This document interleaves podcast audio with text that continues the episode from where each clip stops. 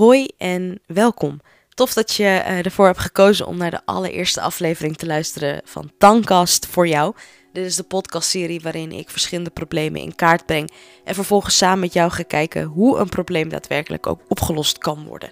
Hierbij kun je denken aan problemen zoals geld, schulden, sollicitatiegesprekken en ga zo maar door. En vandaag eh, heb ik ook een heel specifiek onderwerp voor je klaarstaan, namelijk het bekijken van een probleem. En de reden waarom ik deze podcastserie heb gemaakt is uh, dat ik net afgestudeerd ben aan de opleiding maatschappelijk werk en dienstverlening. Ik heb in deze opleiding uh, vier jaar lang geleerd hoe ik met allerlei verschillende soorten mensen kan werken en verschillende soorten problemen dus ook. Geldt namelijk ook voor alle leeftijden, alle leefsituaties en ga zo maar door. Dus mocht je een uh, persoonlijk probleem hebben waarvan je denkt, Tanas, ik wil dit echt horen in de podcastserie. Hoe kan ik hiermee omgaan? Laat me dan weten via mijn Instagram. Dat is @tanashayebi. T-A-N-N-A-Z. H-A-J-E-B. Griekse ei. Um, ik heb natuurlijk wel ook een side note.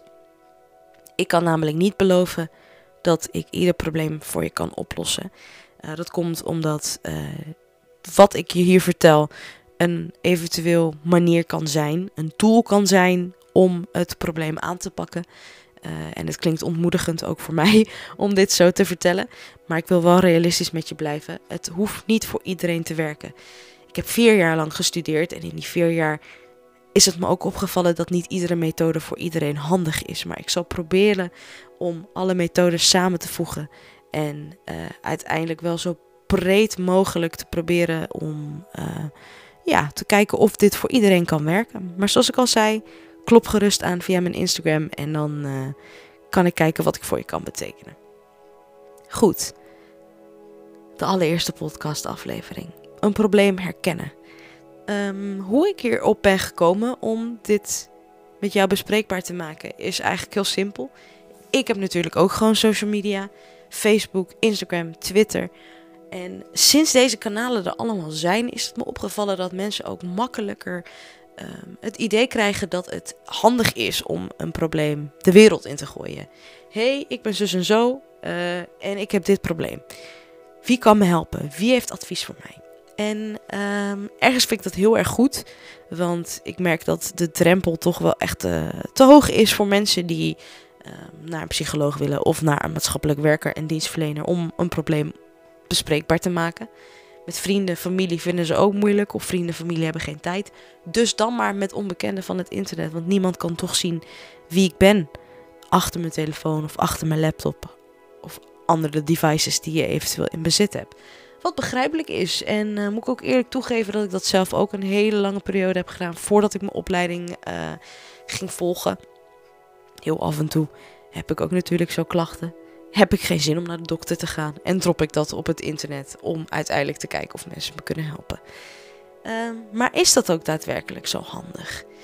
Ik geloof er heel erg in dat wij mensen op aarde zijn gebracht met een gigantisch goed brein. Ongeacht wat voor situatie je ook hebt, of, of je ziek bent, of whatever. Jij kunt er echt wel uitkomen. Daar ben jij voor gemaakt. Maar je bent er ook voor gemaakt om samen met je medemens te kijken hoe je het eventueel zou kunnen oplossen. Maar toch ga je iedere keer weer terugkijken naar jezelf. Want jij bent degene die uiteindelijk gaat over jezelf. En uiteindelijk die knoop moet doorhakken om te kijken of het probleem daadwerkelijk ook opgelost kan worden. Neem ik even een uh, random probleem. Uh, denk bijvoorbeeld dat je in een uh, relatie zit met iemand. En diegene is vreemd gegaan jij vindt dit niet oké en uh, hebt er wel moeite mee, want het is toch wel de liefde van je leven. En is het wel zo handig om diegene dan te laten gaan? Um, je kan ook een ander probleem uh, als voorbeeld gebruiken, maar dit doe ik even om duidelijker te maken wat de stappen zijn. Het zijn uh, drie stappen die je kunt volgen um, om uiteindelijk te kijken hoe je hiermee omgaat. En de allereerste stap is natuurlijk: wat is het probleem? Oké, jij denkt dat het probleem is dat je het moeilijk vindt om je vriend te laten gaan. Dat is hoe je erover denkt. Het is, ja, super goede jaren met elkaar gehad. Maar wat nu? Hij is vreemd gegaan. Ik vind dat niet oké. Wat moet ik doen? dat is een hele goede vraag die je zelf kunt stellen. Want je stelt hem aan jezelf. Pak alvast je uh, pen en papier, mocht je die niet bij hebben. Het liefst geen telefoon. Echt even pen en papier pakken. Want dat biedt toch wel even een heel ander zicht. Mocht het echt niet anders kunnen, dan kan het wel met je telefoon. Maar pen en papier zorgt ervoor dat het uit je hoofd op papier komt te staan. En als je daadwerkelijk de tijd neemt om het op te schrijven. En ja, het echt te zien wat je opschrijft. Als je papier voor je hebt, pak dan je pen en trek in het midden van uh, je papier een streep. En um, schrijf aan de linkerkant een plus aan de bovenkant en aan de rechterkant een min. Vervolgens uh, ga je kijken wat het probleem met jou doet. Waar komen die gevoelens nou vandaan? Jij bent boos omdat je vriend vreemd is gegaan. Wat maakt je dan zo boos? Wat, wat wekt dat in jou los? Wat gebeurt er met je? Probeer dat aan uh, de positieve en negatieve kant op te schrijven. Um, een voorbeeld zou kunnen zijn, nou, wat doet het met me? Um, ik vind het heel erg dat hij vreemd gaat, want ik ben een heel erg loyaal persoon. Ik zou dat nooit doen. Dat kan je bij de plus schrijven.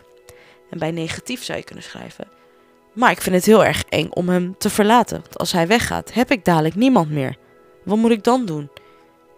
Hoe ga ik die leegte opvullen? Dat zijn allemaal emoties die alleen jij kunt weten en die alleen jij kunt opschrijven. Dus mocht dat het geval zijn dat het dit met jou doet, maak daar een hele lijst van.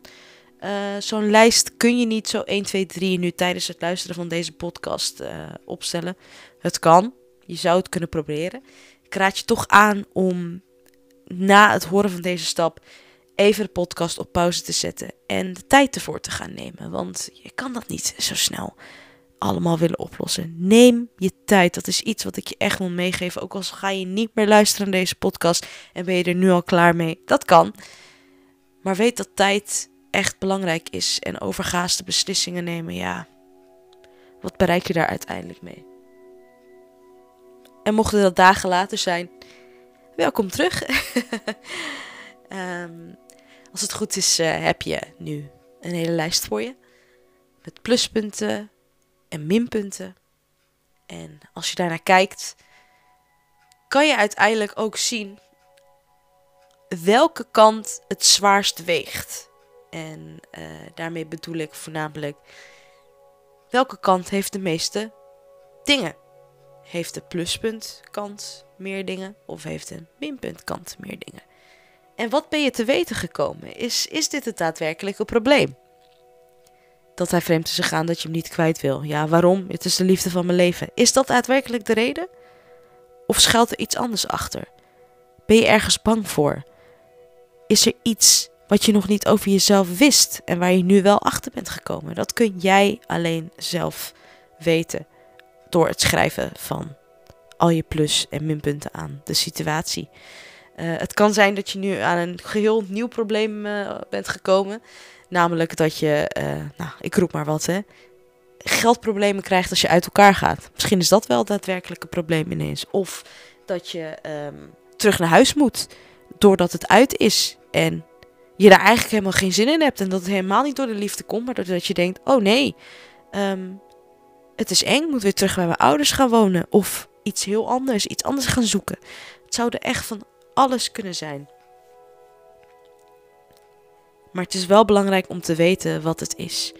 En mocht het toch wel de liefde zijn, dan ben je daar ook achter gekomen. En door de pluspunten en de minpunten weet je nu ook beter wie jij bent en wat jij voelt. En dat is ook echt goed om op papier te hebben.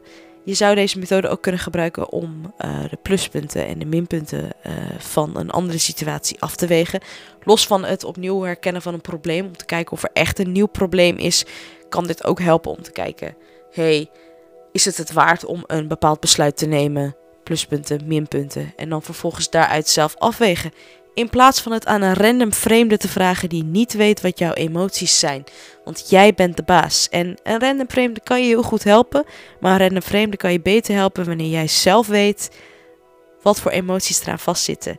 en wat de uiteindelijke gevolgen kunnen zijn. En dat is ook precies uh, wat je doet mocht je bij een psycholoog langs gaan of bij een maatschappelijk werker. Dan gaan ze vanuit die kant kijken hoe ze je verder kunnen helpen. Want jij bent de baas over jouw probleem en ook de baas over jouw toekomst. Nu je de eerste stap door bent gegaan, is het tijd voor de tweede stap. En dat is het rangschikken van de problemen, de pluspunten, de minpunten. Wat is daar uitgekomen? Is er iets nieuws uitgekomen? Hoort dat eerst opgelost te worden? Of moet je eerst aan iets anders denken? Dat moet je ook gaan rangschikken. En dat is een tweede uitdaging die ik aan je wil geven. Om te gaan kijken. Wat is belangrijk? Wat moet opgelost worden? Wat kan op korte termijn? Wat kan op lange termijn? En de korte en lange termijnen kan je ook zelf voor jezelf invullen. Wat is een korte termijn voor jou? Is dat een maand? Is dat een week? Is dat een dag? Een uur? En wat is een lange termijn? Zijn dat maanden? Jaren? Kijk daarnaar en schrijf dat ook voor jezelf op. Pak even een nieuw blaadje erbij en zet het ernaast. En kijk naar wat nodig is en wat niet. Je kan ook kiezen om alleen voor de korte termijn te gaan. En dat je dan de lange termijn even wegstreept voor nu. En dan later weer terug naar gaat kijken. Zorg er wel voor dat het nog leesbaar blijft als je het wegkrast. Uh, en pak dan de korte termijn erbij. Wat zijn de problemen? Wat staat er op nummer 1 voor jou? Is dat een daadwerkelijke nummer 1? Of zeg je van, nou, misschien is hij toch niet de nummer 1? Ook daarvoor zul je de tijd moeten nemen. En hoe je uiteindelijk besluit of het nummer 1 is, is uiteindelijk weer ook aan jou. En misschien word je nu al helemaal gek van mij en denk je, Thanos, ik wil gewoon een oplossing. Ik weet het gewoon niet of dit het probleem is. Ik weet het echt niet. Je weet het wel niemand kent jou beter dan jijzelf. En um, je zou eventueel ook kunnen kijken wie er in jouw omgeving jou ook kent. Wat ook kan helpen. Als je heel erg diep in die emoties zit uh, en te veel tijd eraan hebt besteed, dan um, zou het kunnen zijn dat je het echt gewoon niet meer ziet. Um, vraag het dan aan iemand die je goed vertrouwt. Want deze dingen die je opschrijft zijn wel jouw emoties. Zet het niet op internet. Uh, wil je dat wel doen, dan moet je dat zeker doen. Dat, dat, is aan jou. Uh, maar weet wel dat dit de kwetsbare kant is van jezelf. En uh, dat ook een confrontatie kan zijn voor jezelf. En dat niet iedereen alles over je hoeft te weten. Maar mocht je dat wel willen, dan nogmaals is dat jouw keus. Maar ik zou het zelf persoonlijk niet doen. En heb je het al? Weet iemand het al? Die, met diegene met wie je hebt gezeten? Van, nou, ik zou dit toch eerder doen hoor, want zus en zo. En dan zou ik niet per se meteen naar het advies luisteren. Maar weer tot je opnemen en denken: wat wil ik? Dankjewel voor je advies, zeg je dan. Heel netjes natuurlijk. Diegene heeft wel tijd in je gestopt. En dan vervolgens ga je kijken: oké, maar is dit ook realistisch? Is dit ook wat ik wil? Wanneer je um, dit hebt gedaan, is het tijd om aan de slag te gaan. En dat hoort nog steeds bij stap 2. Gek is dat, hè? um, en hoe ga je dan aan de slag? dat hangt echt geheel van de situatie af. Ik zou heel graag uh, verder willen gaan op het voorbeeld. Maar goed, het voorbeeld is uh, niet per se een echt voorbeeld. Dat komt natuurlijk wel heel vaak voor. Maar nogmaals, we hebben met emoties te maken. Dus ik zou niet kunnen weten wat je dan zou kunnen doen. Maar als je iets doet, heb je er tenminste wel over nagedacht. En ben je wel erachter gekomen wie jij bent. En wat jouw waarden zijn en normen zijn. En uiteindelijk kan je daaruit de beste beslissingen maken in plaats van geheel impulsief iets op social media te plaatsen met de vraag of aan iemand te vragen deze vraag te stellen, terwijl je eigenlijk zelf nog niet eens zo goed erover hebt nagedacht. En als je tegen mensen zegt, ik moet erover nadenken, dan moeten ze er ook gewoon lekker respect voor hebben. Het is jouw kostbare tijd die je erin stopt. En uiteindelijk ben jij degene die een juiste beslissing moet maken. Zijn we nog niet klaar? Want wanneer je uiteindelijk uh, aan de slag bent gegaan, kom je aan bij stap 3. En bij stap 3 hoort eigenlijk ook wel het aan de slag gaan en daadwerkelijk uh, nou ja, in actie zijn gekomen. Um, maar daar hoort ook bij om terug te blikken op jouw besluit. Uh, heel veel mensen missen deze stap. En dan kijk ik ook voornamelijk naar mensen in het bedrijfsleven. Um, dan voeren ze bepaalde handelingen uit of dan zijn er bepaalde uh, projecten geweest. En uh, dan vergeten ze dat het echt belangrijk is om even na te denken: wat heb ik nou gedaan? Hoe ga ik het de volgende keer doen? En waarom is dat belangrijk? Nou, misschien heb je wel een fout gemaakt, want hey, de hele stappenplan en nadenken over je problemen. Het zijn menselijke issues. Je hebt geen goed en fout. Het zijn je emoties. Het is je gedachtegang natuurlijk. Je gebruikt ook je verstand. Ik heb het wel alleen over emoties, maar je verstand speelt hier ook gewoon een, uh, een rol in. Maar het zijn uiteindelijk allemaal menselijke factoren waar je helemaal geen controle over hebt. Dus wat heb je gedaan? Ook dat schrijf je op een apart plaatje op. En vergeet niet om jezelf complimenten te geven. Pak weer die plus en die minder bij. Nieuwe plus, nieuwe min. Wat heb ik goed gedaan volgens mijzelf? Wat kan ik de volgende keer beter doen? Er bestaat namelijk geen fout, vind ik. Soms kan je dat wel vinden. Dat je zegt, nou, die min is toch wel een fout. Dan moet je dat gewoon lekker erop zetten. Dat doe ik zelf ook. Laten we eerlijk zijn. Maar je moet ook kunnen denken over, wat kan er de volgende keer beter gaan? Hoe kan ik het dan gaan aanpakken? Was mijn emotie goed? Gebruikte ik mijn verstand goed? Of kan het anders? Nee, het ook eigenlijk gewoon een evaluatie, maar ook een reflectiemoment. Daarover ehm, kom ik ook op terug, over reflectiemomenten. Ik denk dat dat ook heel belangrijk is om te weten. Hoe reflecteer je? Hoe ontvang je feedback? En hoe kan je feedback uiteindelijk geven? Um, ook heel belangrijk voor altijd eigenlijk, want je hebt altijd met mensen te maken. Je bent altijd in contact. Ook als je soms echt even geen zin hebt. Uiteindelijk kom je wel weer terug bij de mens. Uh, dus daar kom ik uh, zeker op terug. Ik hoop dat je hebt genoten van deze eerste aflevering van uh, deze podcast. De volgende afleveringen komen er absoluut aan. Heb je vragen over deze aflevering? Je weet me te vinden via mijn Instagram pagina. Ik heb hem net al benoemd. Ik doe het nog één keer. T-A-N-N-A-Z H-A-J-E-B Griekse I. Heel erg bedankt voor het luisteren en tot gauw.